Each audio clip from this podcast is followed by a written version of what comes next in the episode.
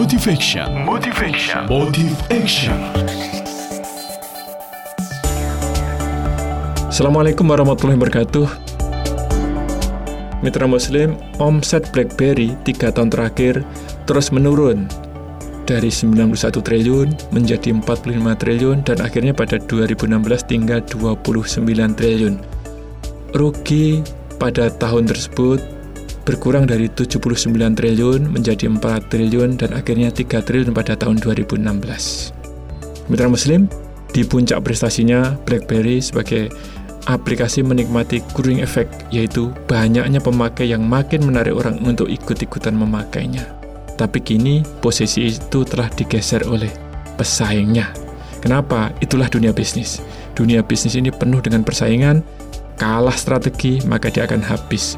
Oleh karena itu, mitra muslim, mari terus-menerus kita perkuat perusahaan kita dengan strategi yang makin handal.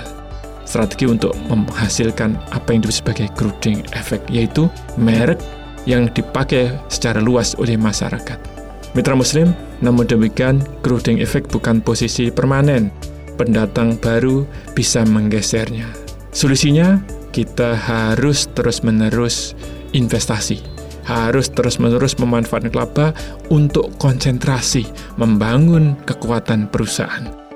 Saya Iman Supriyono dari SN Consulting, konsultan manajemen yang hadir ke dunia manajemen untuk membantu perusahaan-perusahaan unggul dari generasi ke generasi untuk suara muslim Radio Network.